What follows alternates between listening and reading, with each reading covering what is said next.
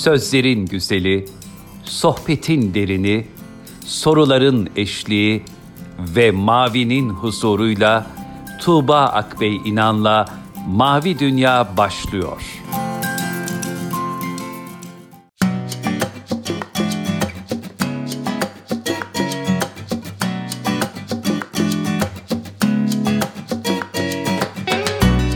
Merhaba, Mavi Dünya'ya hoş geldiniz. Bugün programımızda yaratıcı drama eğitmeni, aynı zamanda Yola Düşmek ve Bana Hayallerini Anlat isimli kitapların yazarı Murat Moroğlu'nu ağırlayacağız. Ee, Murat Hocam hoş geldiniz programımıza. Merhaba Tuba, hoş bulduk. Teşekkür ee, ediyorum öncelikle. Ben de çok teşekkür ederim. Için. Ben de çok teşekkür ederim. Hocam bugün nitelikli çocuk edebiyatını konuşacağız sizinle birlikte ama onun öncesinde birazcık sizin hem nitelikli çocuk eğitimi buluşma noktanızı hem yaratıcı drama ile buluşma noktanızı biraz dinlemek isteriz, sizi tanımak isteriz. Ee, adım Murat Moroğlu. Ben aslında edebiyat öğretmeniyim ama çok uzun zamandır yaratıcı drama öğretmenliği yapıyorum.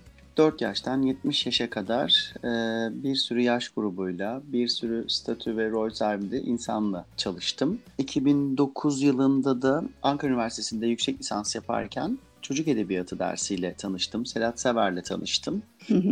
2009'dan beri e, hem çocuk edebiyatının ne olduğunu, örneklerini incelemeye çalışıp kafayı örerken hem de yaratıcı drama atölyelerinde acaba bu kitapları nasıl kullanabilirim ve çocuklara iki uyaranla beraber hem e, yaratıcı drama yöntemi yöntemiyle hem de çocuk kitaplarıyla, nitelikli çocuk kitaplarıyla nasıl ulaşabilirim min derdine düştüm. Ve bir süredir de uzunca bir süredir de e, çocuklarla yaptığım çalışmalarda ya da yetişkinlerle yaptığım çalışmalarda çocuk edebiyatını e, çocuk edebiyatının nitelikli olan tarafıyla ilgileniyorum. O eserleri atölyelerde kullanarak daha anlamlı farkındalıklara yol açmak istiyorum. Buna yönelik çalışmalar yapıyorum. Bir sürü kitap takip ediyorum, alıyorum, okuyorum, yazıyorum, çiziyorum e, ve e, bu bir süreç, bir, bir gelişim süreci bitmiyor. ve bunlar... Aynı zamanda da yazıyorsunuz zaten. Evet, aynı zamanda da yazıyorum nacizane. İki tane kitabım var söylediğiniz gibi. Bana Hı-hı. hayallerini anlat birinci kitabımdı. Yola düşmek ikinci kitabımdı. E, bugünlerde çok tatlı da bir heyecan yaşıyorum. Üçüncü ve dördüncü Hı-hı. kitap. E, üçüncü kitap e, resimleniyor, çizimleniyor. Aynı zamanda dördüncü kitap da çizimleniyor e, bu ara. E, eğer bir sorun olmazsa e, kısmetse e, Eylül gibi ikisini de görmüş olacağız raflarda. Hocam siz şimdi genelde kendi hikayenizi anlatırken hocanızın dersine girdiğinizi ve aslında işte Orhan Pamuk'un kitabından da e, biraz atıfta bulunarak evet. işte bir derse girdim ve hayatım değişti gibi evet. e, bir latifeyle anlatıyorsunuz hikayenizi ama şunu merak ediyorum. Şimdi genel olarak şöyle durumlar olur yani bir kitap bizim hayatımızı değiştirmez elbette ama bir şey ararız ve o söylenen şey ona çok denk düşer. Sizin çocuk edebiyatı ile ilgili bir arayışınız mı vardı da o dersler sizi e, aslında başka bir boyuta doğru taşımış oldu. Aslında evet bir arayış vardı ama bu çok itiraf etmek gerekirse derinlikli bir arayış değildi. Ben Hı-hı. aslında yaşamımda e, biraz şanslı olan e, bir kendimi şanslı olarak görüyorum. Çünkü ben edebiyat öğretmeni olmak istiyordum Tuğba ve edebiyat öğretmeni oldum. E, sonrasında dedim ki ben drama eğitmeni olmak istiyorum e, eğitimini almaya başladıktan sonra ve ben drama eğitmeni oldum.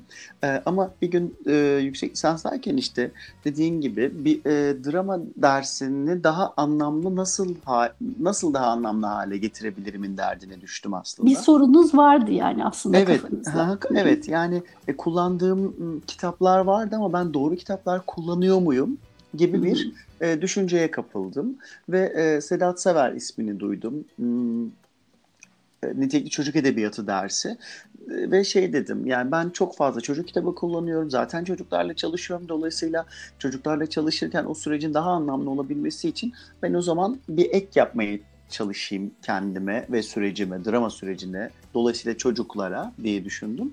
Ve o yıl ben bir ders aldım Serhat Hoca'dan. Hani o e, anlattığım olayda Orhan Pamuk'un Yeni Hı-hı. Hayat kitabındaki ilk cümlesi çok önemli bir cümledir. Bir gün bir kitap okudum ve hayatım değişti.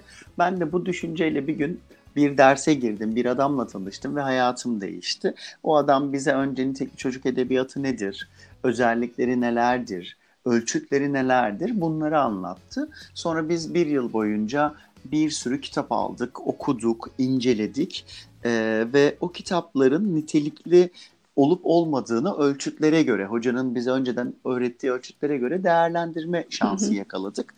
E, ve sonrasında da hmm, ben o ders bittikten sonra çocuk kitaplarından kopmadım. Çünkü çocuk kitapları bende ciddi bir farkındalığa neden oldu. Öğretmenliğimde, eğitimci kişi kimliğimde ya da kişiliğimde neyse. Ee, evet yani bir sorunum vardı ama bu çok derinlikli de değildi açıkçası. Ama alanın içine girdikten sonra bunun bu kadar da basit cevaplanabilecek, e, basit daha doğrusu e, yutkunabilecek, ondan sonra içselleştirilebilecek bir alan olmadığını fark ettim çocuk kitaplarının. Ve bir süredir de dediğim gibi e, bunlarla ilgili birçok okuma yapıp birçok yeni çıkan kitabı, eski basılan kitabı, yazarları takip etmeye çalışıyorum.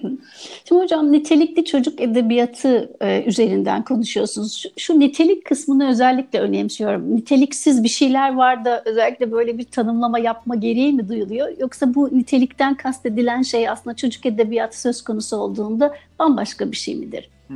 Ya aslında bambaşka bir şey değil sadece şu güne kadar e, önümüze yani önümüze sürülen e, kitapların değişimiyle ilgili bir süreç aslında nitelikli çocuk edebiyatı. Dolayısıyla evet nitelikli diyorsunuz, niteliksiz de mi var? Evet var, e, hala var, dünyanın her yerinde var. E, biz bir değişim süreci içerisindeyiz. İnsanlar yaşamda değişirler ve dönüşürler. Fark ederek bazen fark etmeden böyle bir özellikleri vardır. Ama değişirler mi bilmiyorum, dönüşürler mi bilmiyorum değişiyor, dönüşüyor. Ee, özellikle çevirilerle beraber Tuğba ülkemizde hı hı. biraz daha bu e, farklı bir alan haline geldi. E, elbette ki bu ülkede e, yani Türkiye'li yazarların da e, katkıları yatsınamaz, emekleri çok fazla. Zaten onlarla beraber e, ve çevirilerle beraber o büyük buluşmayla e, evet nitelikli hale ge- geldi çocuk kitapları ama bazı kısımlarda niteliksiz e, olarak bazı özelliklerde niteliksiz olarak kaldı. Yani burada aslında birçok ölçüt var ama ben hı hı. yani bu soruyu aslında şu, şu soruyla da nedir bu nitelikli hı hı. E, kitabın ölçütleri? E, şurayı çok önemsiyorum. Ben aslında e, yani bir çocuğa öğüt vermeyen, e, ders vermeye kalkmayan, e, ona üstten bakmayan, sen böyle olmalısın demeyen, konu ne olursa olsun ya da e, evet buraya gelmelisin, bu yolda olmalısın, böyle olmalısın, böyle düşünmelisin demeyen, tamamıyla çocuğun e, neden sonuç ilişkisine bıraktı, çocuğun bir çıkarımına bıraktı. Belki de çocuk çıkaramayacak. O da ayrı mesele. Ha, ben de onu soracaktım ama, aslında. Çıkaramasın ama evet hiç ha, yani önemli siz değil. Siz anlatın bu konuyu konuşalım. Tamam, Çok önemli çünkü lütfen. burası. Evet evet yani çocuğun zihnine e, güvenen, bir anlam çıkarmasına ya da çıkarmamasına ama e, o zihnin şey süreci, yoğrulma süreci, emek verme süreci, düşünme sürecini önemseyen kitaplar var. e, bu çok önemli bir benim için ölçüt. Bir de ben bu kitapların çocukları e, yaşı kaç olursa olsun bireyi, yetişkini yaşama hazırladığına inanıyorum. Çünkü yaşamdaki çok önemli konuları ele alıyor bu kitaplar. Örneğin bir tane iki tane kitap önerebilirim. İşte Küçük Fare ile Kırmızı Duvar kitabı. ee, ve Sizin sıkça bahsettiğiniz evet, kitaplar. çok bahsettim ve bir de Duvar diye yeni çıkan bir kitap var. İşte nedir bu? Ee, yani arkadaşlığın çok ötesinde, problem çözmenin çok ötesinde. Artık bunlar niye bu iki konuyu verdim? Tuğba çünkü bunlar çok klasikleşmiş konular. Yani daha klasik e, yani çok kullanılan konular. Bu konuları e, yazarlar çok kullanıyor dünyada ve Türkiye'de. Hı hı. Ama yeni bir yaratım süreciyle bunu kullanmadıktan sonra bana artık çok şey geliyor. E, hı, yine bu konu diyorum.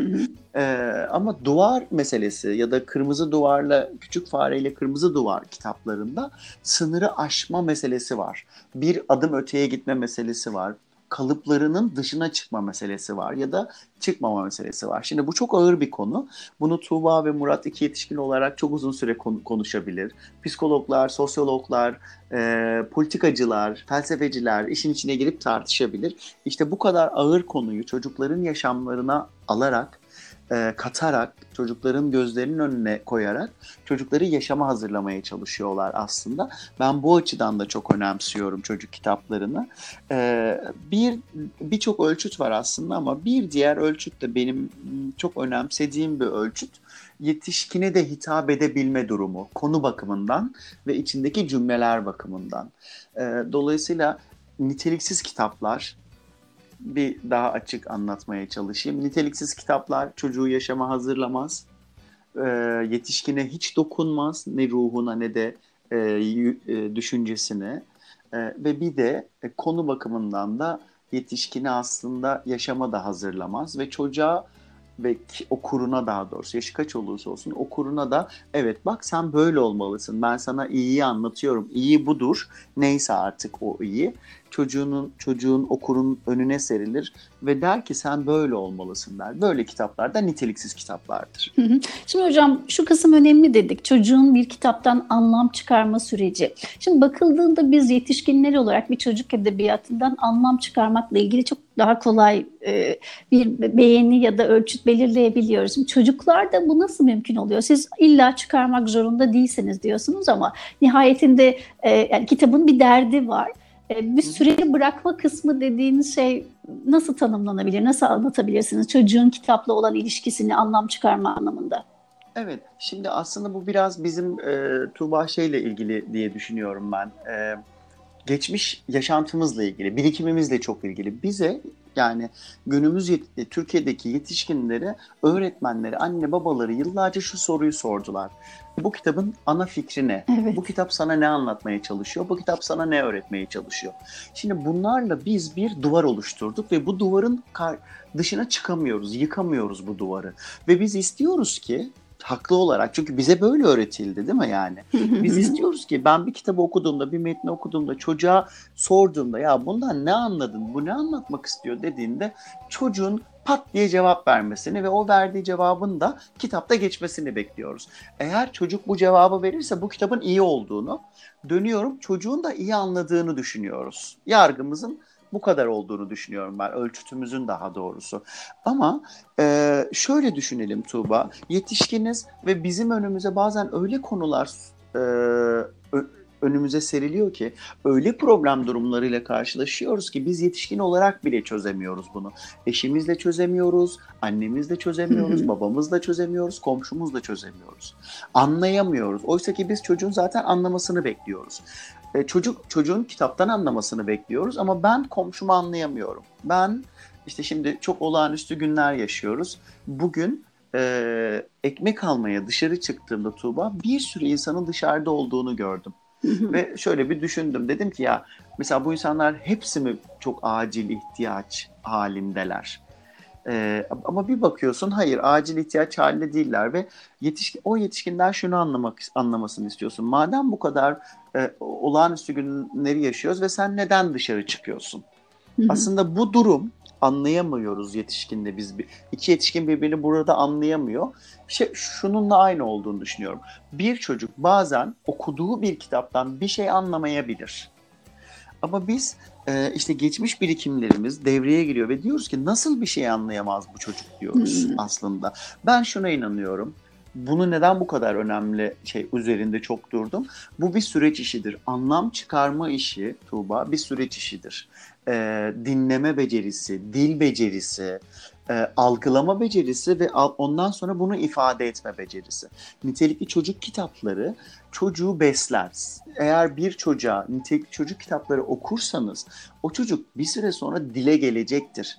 Çünkü anlama becerisi gelişecektir ve bir süre sonra da bunu ifade edecektir. Yani e, suyu almak istiyorum da diyebilir ya da şunu da söyleyebilir. Mutfağa gideceğim, kendime e, bir bardak alıp ve soğuk suyu doldurup susuzluğumu gidereceğim. Bu da bir ifade tarzıdır.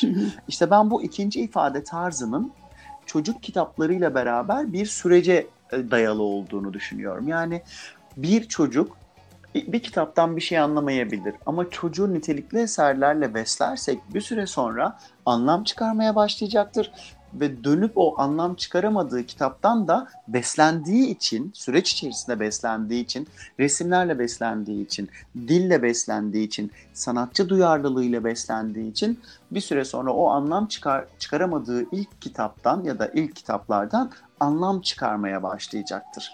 Yani çocuk e, anlamadı, işte tükaka ya da aptal değildir o eserde, o çocukta. Demek ki çocuğun o eserle ilgili e, anlam çıkarma yani o konuyla ilgili anlam çıkarma durumunu özelliğini yetişkin olarak biz besleyememişiz.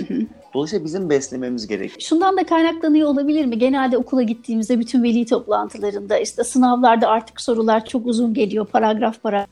O yüzden kitaplarla çocuklarınızın arasında olması lazım. Bolca kitap okumaları lazım gibi. Aslında kitap üzerinden de büyük bir beklenti kurup o anlamı hemen çıkarmamızı istememize bu sınav cenderesi de e, neden oluyor olabilir mi? Diyorum evet kesinlikle. Çünkü e, bizim şey meselemiz var ya güzel bir şeyi başka güzel bir şeyde illa kullanmamız gerekiyor. Hı hı o sınav sürecine koymak, o oradan bir anlam çıkarmaya çalışmak. Zaten aslında mesela çok ilginçti. Sen de hatırlıyorsun. ÖSS zamanı benim zamanımda ÖSS vardı. Evet, benim de. Evet. Yani 45 soruluk bize kendi ana dilimizde sorular sorarlardı. Ana dilimde. Yani ben bana Türkçe sorular soruyorlar ve bu Türkçe soruların 15 tanesi de bu paragrafa dayalıydı. Ama ben e, yani bizim dönemimizde ben hatırlıyorum o 15 paragraf sorusunun 15'inde de sıfır çeken vardı. Hı hı.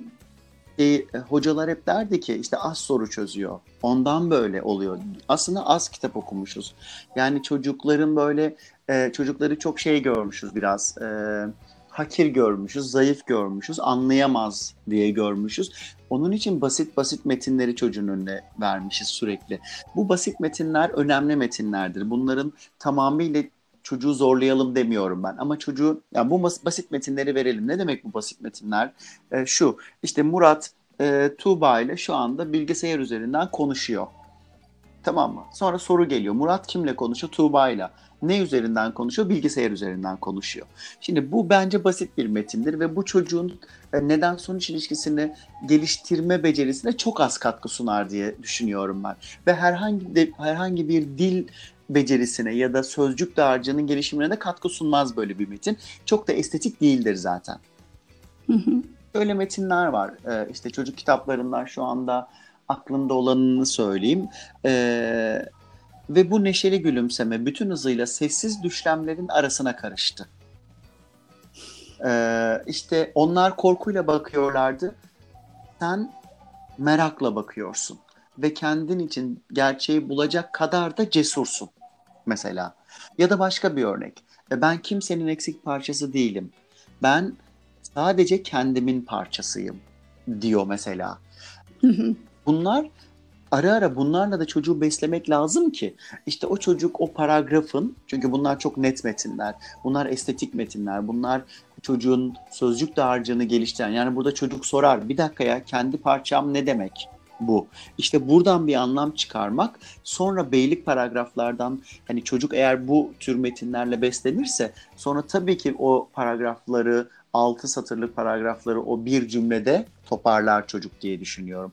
Beslemek buradan geliyor. Süreç meselesi, anlam çıkarma meselesi de biraz bununla ilgili diye düşünüyorum ben.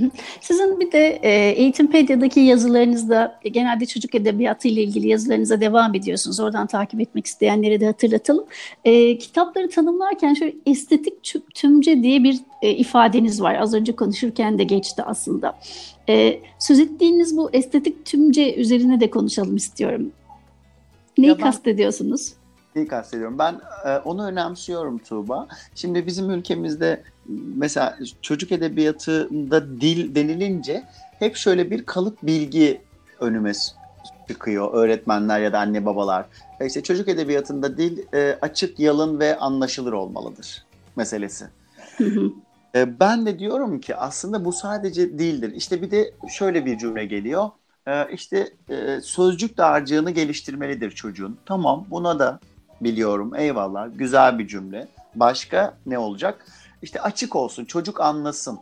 Yani şimdi değişti artık. Yani bütün pedagojik kitaplarda aslında 4 yaşın gelişim özelliği yeniden ele alın, alınmalıdır bence. Özellikle koronadan sonra. 5 yaşın gelişim özellikleri yeniden ele alınmalıdır. 6 yaşın gelişim özellikleri yeniden ele alınmalıdır. Bazı 6 yaşlar başka dünyalarda, bazı 4 yaşlar ve 5 yaşlar, 6 yaşlarda başka dünyalarda. E, dolayısıyla o çocuğu zorlama meselesi. Estetik cümle bence bir kitabın olmazsa olmazlarıdır diye düşünüyorum. Ve bu birçok aslında özellikle ben çevirilerde bunu çok fark ettim. E, çevirilerde çok sağlam cümleler var. Yetişkinin bile durup ne demek sağlam? Yetişkinin bile duvara çarptığı, anlamını hemen veremediği, zihninde karmaşaya neden olduğu e, ve sonrasında yani düşünerek Aa evet ya bu budur demiyor. Bir dakika dur bu bu olabilir mi yoksa bu, bunu mu kastediyor dediği cümleler. E, bireyi yaşı kaç olursa olsun zorlayan cümleler. Hatta ben daha da ileri gideyim. E, Murat şunu demeli. Bir dakika dur ya ben ne okudum şimdi? Hiçbir şey anlamadım bu cümleden demeli diye düşünüyorum ben. Mesela bir tane kitap var. Bir fırsatla ne yaparsın diye bir kitap. O kitapta şöyle bir cümle var. Kahraman diyor ki sonra şöyle düşündüm her zaman cesur olmam gerekmez. Sadece doğru zamanda cesur olmam yeterli olacaktır gibi bir cümle var mesela bir kitapta. E, dolayısıyla e, bu cümle e, o kitabın estetik cümlelerinden bir tanesi. Çünkü bu cümle okuduğunda e, birey şunu söylüyor sanki. Bir dakika dur ben ne okudum az önce? Bir durmam lazım. Bunu bir yutkunmam lazım. Ne demek doğru zamanda cesur olmak? Bir de e, ters yüz eden, alaşağı eden de bir durum anne babayı ve öğretmeni. Çünkü neden? Yetişkinler en sevdiği çocuklara ne diyorlar? Hep cesur ol diyorlar. Hep cesur olmalısın. Neden? Çünkü ben aslında cesur değildim. Bunun alt metni bu. Ama seni yetiştiriyorum ya sen cesur olmalısın. Ben cesur olamadığım için çok çektim. Sen cesur olursan e, bu kadar çok çekmezsin, mutlu olursun diye düşünüyoruz. Ama kitap diyor ki, kitaptaki cümle, o estetik cümle doğru zamanda cesur ol lütfen diyor sana. Yani senin şu ana kadar karşılaştığın bu anlamda karşılaştığın cümlelerin karşısında bir anlam söylüyor. Nihayetinde cahil cesareti diye bir şey de var değil mi? Evet hani hepsine hitap ediyor. Başka yerde yaşasaydım diye bir kitap var mesela Tuğba. Kitabın sonunda yani çocuk kitapta sürekli sorular soruyor. Ya ben şurada yaşasaydım ya ben burada yaşasaydım ne olurdu? Ama en sonunda diyor ki o zaman diyor ben nerede yaşarsam yaşayayım kendi kendimin eviyimdir. Bu soruyu ne kadar çok sorardım ben çocukken yahu. yani işte o estetik cümle kabaca ben benim tanımladığım çocuğu yani okurun zihnini zorlayan cümle. Hemen anlamasına e, olanak bazıları için öyledir. Yani Tuğba'nın kendini geliştirme süreciyle Murat'ın kendini geliştirme süreci farklıdır. Ve Tuğba o cümleyi hemen anlar, yalayıp yutar. O ayrı mesele. E, ama o kişide bile Aa evet ben şimdi farklı bir cümle okudum. Benim duyguma, benim beynime hitap etti ve benim burada durup düşünmem gerekiyor. Biz aslında ana fikri bulacağım diye işte e, Tuğba biraz böyle buraları da bir kaçırdık aslında. E, Çocuklara o estetik cümleleri öğretmenlerimiz ya da anne babalarımız bilip çocuklarla yorumlasaydı o kitabın ana fikri de e, baba fikri de geri kalan bütün fikirler de ortaya çıkardı aslında. Hocam bir de estetik cümle dediniz ama bir de sıkça bahsettiğiniz başka kitaplar var. Onlar da sessiz kitaplar. Ee, çok konuşulan bir şey değil nihayetinde edebiyat ve çocuk edebiyatı dediğimizde sessiz kitaplar. Sessiz kitapların yazarları çizerler mi oluyor? Önce öyle sorayım. Ee, evet yazarları çizerler, çizerleri de yazarlar oluyor diyebiliriz yani. Çünkü onlar hem yazıyorlardır hem çiziyorlardır hani kitapta biz harf görmüyoruz belki, cümle gör söz görmüyoruz ama ben eminim onlar çizilirken orada bir sürü masasında cümleler e, geçiyordur, sözcükler geçiyordur o çizerin kafasında. Dolayısıyla evet bence onlar aynı zamanda bir yazardır da o kitabın yazarıdır, o çizeridir. Benim için öyledir tabii ki bu durum. Şimdi aslında bizi buluşturan şey Murat Hoca ile yaratıcı dramaydı. Murat Hoca aynı zamanda benim yaratıcı dramadan e, hocam. E, hocam aynı zamanda siz şimdi yetişkinler ve çocuk edebiyatını bir bavul kitapla birleştirdiniz ve pek çok insanla buluşturuyorsunuz. Oradaki amaç nedir ve yetişkinlerin çocuk edebiyatı ile ilişkisi neymiş ve o eğitimlerden sonra nasıl bir bakış geliştiriyorlar? Benim bir bavul kitap yani bu bir bavul kitap bu arada iki bavul oldu. Hemen söyleyeyim.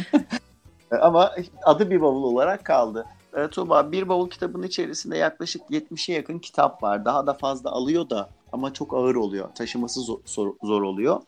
E, bu bir bavul kitapla ben e, yetişkinlerle buluşuyorum ve bu buluşmanın e, iki tane amacı var. Bir, senin de bahsettiğin gibi yaratıcı dramayı yöntem olarak kullandığımda ve nitekli çocuk edebiyatını ders sürecine ya da farkındalık sürecine, eğitim sürecine eklediğimde nasıl bir atölye yapabilirim anlatmaya çalışıyorum kendimce insanlara.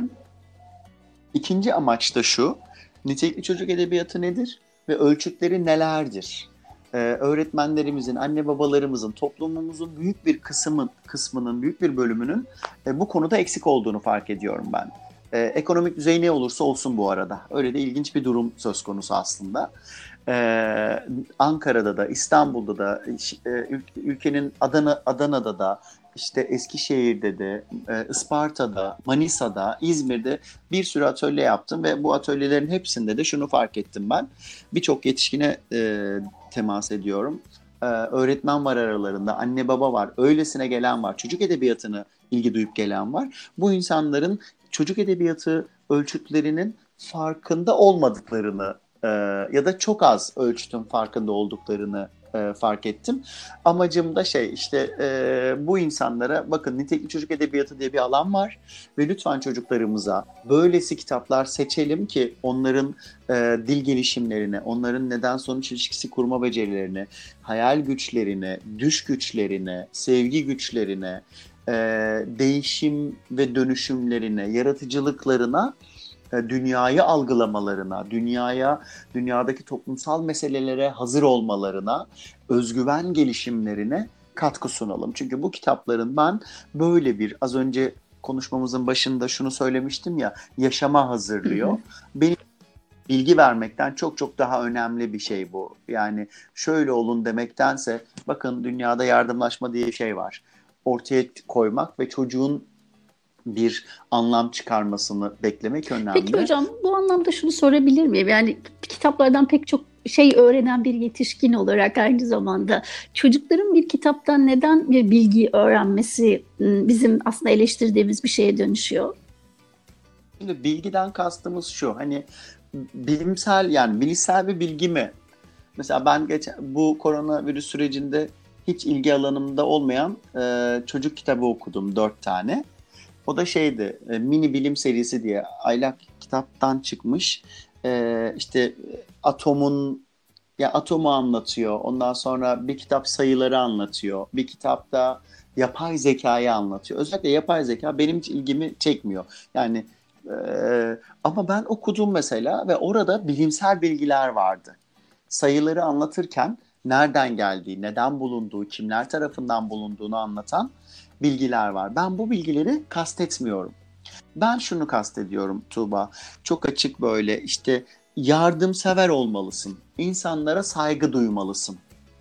Ee, insanlara hoşgörülü olmalısın gibi davranışa yönelik e, ve aslında her aileden, her kültürden kültüre, aileden aileye de değişen e, konulardır bunlar. Hocam ama biz çocuklarla zaten böyle bir diyalog kurmuyor muyuz toplum olarak? Yani herhangi bir kreşin ya da okulun, anaokulunun tiyatroya gittiğini e, farz edelim mesela. Herhangi bir yere gittiğini. Sürekli bu uslupla ve bu tonla konuşuluyor çocukla gündelik hayatın içerisinde.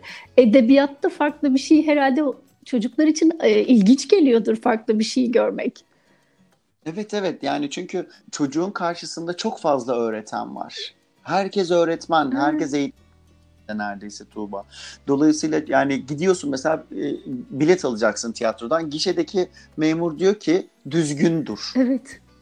Düzgün dur ne demek? Böyle onun arkasında dur. Önünde birisi varsa eğer. Çok da yaklaşma ona. Hani böyle bekle sessizce sıran sana geldiğinde ama o sıranın hafif yanında durduğunda çocuk sırayı bozmuş oluyor. Neden? Çünkü yetişkinin kafasında sırayı bozmaması için yapması gereken tek şey onun arkasında durmak. Peki bunu kim öğretti ona? Başka bir yetişkin öğretti o çocukken, o memur çocukken. Ee, üstünde e, durarak, işte bağıra bağıra, kafasına vurarak öğretti. Oysa ki çocuk, e, birey ne yapıyor? Sırada yan tarafa geçmiş. Belki önden kötü bir koku geliyor. Arkadaki ona çok yaklaştı belki. Yani nedenini bilmeden bir kalıba sokmaya çalışıyoruz. İşte yani çocuk kitapları da hep şey diyor bak böyle bir kalıp var, böyle bir kalıp var, bir de böyle bir kalıp var. Bütün olasılıkları gösteriyor. Diyor ki sen bu kalıplardan hangisine girmek istiyorsan gir ya da hiç bu kalıplardan hiçbirine de girme. Tamamıyla çocuğu özgür bırakıyor. Ee, çocuğun e, kafasında böyle parmak sallayarak dayatmadan, konu ne olursa olsun Tuğba dayatmadan çocuğa e, bak böyle şeyler var ve sen bunlardan hangisini almak istiyorsan al. Almak istemiyorsan da alma demeye getiriyor. O öğretme biçimi aslında e, didaktik olmuyor. Yani mesela bizim bütün öğretmenlerimiz, bütün kitaplarda geçen e, konularda ne vardı? Yardımlaşmak vardı. Değil mi? Problem çözme vardı ama bizim toplumumuzun problem çözme becerisi çok yüksek değil. Ya da yardımlaşma hani kültürden kültüre değişiyor. Yani nasıl söyleyeyim? Mesela e, işte doğudan batıya yardım giderken problem. İşte hadi batıdan kendi içinde yani ben mesela Adanalıyım. Oradan biliyorum. Yani Adana'da ve Adana ve Mersin arasında gereksiz bir çatışma vardır. Hmm, ama aslında hadi yardımlaşalım dediğimde herkes yardımlaşır. Ama o kısım sınırlara iyice indiğimizde, sınırları daralttığımızda bu sefer orada problemler başlıyor. Ya az önce yardımlaşıyorduk. Ne oldu? Şimdi ne oldu? İşte bu, bunları tam neden sonuç ilişkisiyle anlatamıyoruz. Diyoruz ki yardımlaşalım ve yardımlaşamıyoruz. Diyoruz ki çöpleri çöp kutusuna atalım. Benim çok sık kullandığım örneklerden bir tanesidir. Ama bir türlü e, o dönemin çocukları, bugünün yetişkinleri bir türlü çöp kutusuna atamadık ve şimdi de çocuklarımıza bunu anlatamıyoruz. Ben şöyle bir cümle kullanıyorum. Sonrasında sözü sana vereceğim. E, bir yetişkin içselleştiremediği bir davranışı kesinlikle çocuğa aktaramaz Tuğba. Dolayısıyla neden bizim ülkemizdeki çocuklar, ilkokuldaki çocuklar hala birçoğu ya da yarısı neyse ya da yüzde kırkı çöpü çöp kutusuna atmıyor? Çünkü bu ülkenin yetişkinleri çöpü çöp kutusuna atmıyor. Mesele biraz orada aslında. Hocam şimdi siz aynı zamanda bir babasınız ve dolayısıyla e, baba çocuk ilişkisinde de kitaplar üzerinden bir iletişim biçimi gerçekleştiriyorsunuzdur muhtemelen. Bu eksende hem bizi dinleyenlerin kafasında da şöyle bir soru olacaktır. Çocuklara kitaplarla nasıl eşlik edebiliriz? Al oku demek doğru değil. Özellikle küçükken biz okuyoruz ama şimdi okuma yazma öğrendikten sonra da bu eşlik etme süreci nasıl olacak? Onların kitap seçme ile ilgili e, kararı ne yönde olmalı? Nasıl kendiniz yöntem uyguluyorsunuz? Bunları da duymak isteriz. Yani ben hani bu çok fazla soru geliyor bu konuda ama ben şeyi bilmiyorum tabii. O evdeki kültürü bilmediğim için, o çocuğun ilgi alanını bilmediğim için bir şey söyleyemiyorum. Yani ben işte kendi tecrübenizi ben... istiyorum aslında. Çocuğunuz ve kitaplarla ilişkisinin de nasıl bir köprü vazifesi görüyorsunuz? Aha, yani ben bir kere Çınar'ı oğlumu e, çok uzun zamandır e, sürekli her pazar kütüp şeye götürdüğümü hatırlıyorum. E, götürüyordum daha doğrusu hatırlamıyorum değil götürüyordum. Neydi onun? Kitapçıya götürüyordum. diyorduk. Bazen gidiyorduk almadan çıkıyorduk. Bazen dergi alıyorduk. Bazen benim istediğim oluyordu. Bazen onun istediği oluyordu. O istediği kitabı alıyordu. Sonra eve geliyorduk ve o kitabın resimlerine bakıyoruz. Ee, mesela Çınar çok hızlı bir şey. Ona kitap okuyordum ben. Annesi kitap okuyordu. Defalarca yani bir mesela bir e, Korsanların Reisi diye bir kitap vardı. Çok bayıldı ona. Haftalarca o kitabı okuduğumuzu hatırlıyorum ben. Hiçbir sorun yoktu. E mesela aileler bana hemen şey yazarlar. Benim oğlum 3 haftadır, 3 gündür aynı kitabı okuyor. İstiyor ki başka kitabı okusun. Evet yapmasın, devam etsin. Demek ki onda hala tüketmedi. O heyecanını niye alıyorsun çocuğun? Ben onu anlamıyorum. Ya okumaya devam etsin ne olacak? Ya şöyle bir şey olmayacak merak etme yetişkin. Hani çocuk 20 yıl boyunca o kitabı okumayacak. Yani iki saat daha okuyacak, iki ay daha okuyacak. Hadi iki yıl daha okuyacak. İmkansızdır da iki yıl yani. Hani başucu kitabıdır onun ama sürekli onu okumaz. Dolayısıyla ben çocuk yani benim çocuğum sürekli bir kitap okuduğunu da hatırlıyorum. Mesela e, ama onu hep nitekli kitaplarla besledim. Yani bugün... Peki burada şey oldu mu hocam? Yani böyle hani bazı kitapları biz kendimiz okunca ah bunu da çocuk çocuğa da okuyayım falan dediğiniz ama böyle arzuladığınız reaksiyonu alamadığınız kitaplar oldu mu? Tabii oldu. Mesela Boşluk kitabı vardır. Nesin yayınlarından çıkan biliyorsun. Nas'ın kitabı. Çınar onu hiç sevmedi o kitabı. Benim başucu kitaplarımdan bir tanesidir. Kişisel gelişim atölyelerinde o kitabı çok sık kullanırım ama Çınar hiç sevmedi o kitabı. Elena'nın aynasını hiç sevmedi. Resimleri kötü geldi onun için. Ee, ama şeyi mesela geçenlerde e, bu kitap benim köpeğimi yedi diye bir kitap var. Onu okudu. Muhteşem keyif aldı. İki gün onu okudu. Bugün de şeyi okudu. Büyük Sözcük Fabrikası'nı okudu. Ee, ben mesela bu korona sürecinde ona beş tane kitap çıkarttım her hafta. Dedim ki bir gün bir kitap, bir gün bir kitap, bir gün bir kitap. Sonra o resimli kitaplardı. Biraz daha yazısız olan kitaplardı. Onlarla sonra bir de böyle 50 sayfalık kitaplar önüne çıkardım. Dedim ki bunu da bir de güzel bir ayraç vardı. Dedim ki okuyorsun ister iki sayfa oku ister üç sayfa oku arasına koyuyorsun sonra yarın bu kitaba devam ediyorsun. Öbürsü gün bu kitaba yine devam edeceksin. Yani çocuğu zorlamadan. Çınar'ın üç gün boyunca dört gün boyunca beş gün boyunca hiç kitap okumadığı günler de oluyordu. Mesela ben korona günlerine çok iyi başladım. Ürettim, yazdım. E, çiz, çizerlerle buluştum. E, ama son 10 gündür Tuğba elime kitap alıp okuyamıyorum bir türlü.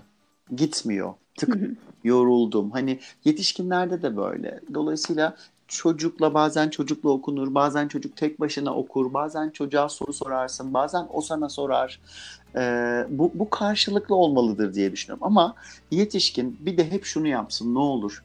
Ee, hiç çocuğa bulaşmadan bir kitap alsın ve ev halkına desin ki ben şu anda kitap okuyorum.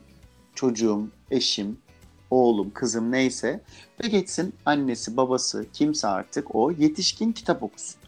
Ama bunu bir kere göstermelik olarak yapmasın. Davranışına döksün ki çocuk da aa evet ya bizim evde yemek yeniyor. Bizim evde temizlik yapılıyor. Bizim evde bir de kitap okunuyor. Diyebiliriz. Evet ve kitabı alsın okusun. Yani e, bazı çocuklar var anneleriyle babalarıyla kitap okumayı çok seviyorlar. E, devam etsinler okusunlar o zaman. Niye okumasınlar yani? Orada bir sıkıntı görmüyorum ben. Çok teşekkür ederiz hocam sohbetiniz için. Son olarak ekleme, eklemek istediğiniz bir şey var mıdır? Yok Tuğba ben çok teşekkür ediyorum. Ee, umarım e, böyle dinleyenlere e, bir e, faydamız dokunmuştur. Tekrardan ben, kesinlikle. diyorum ben. Çok teşekkürler. Hayırlı günler diliyorum ben de.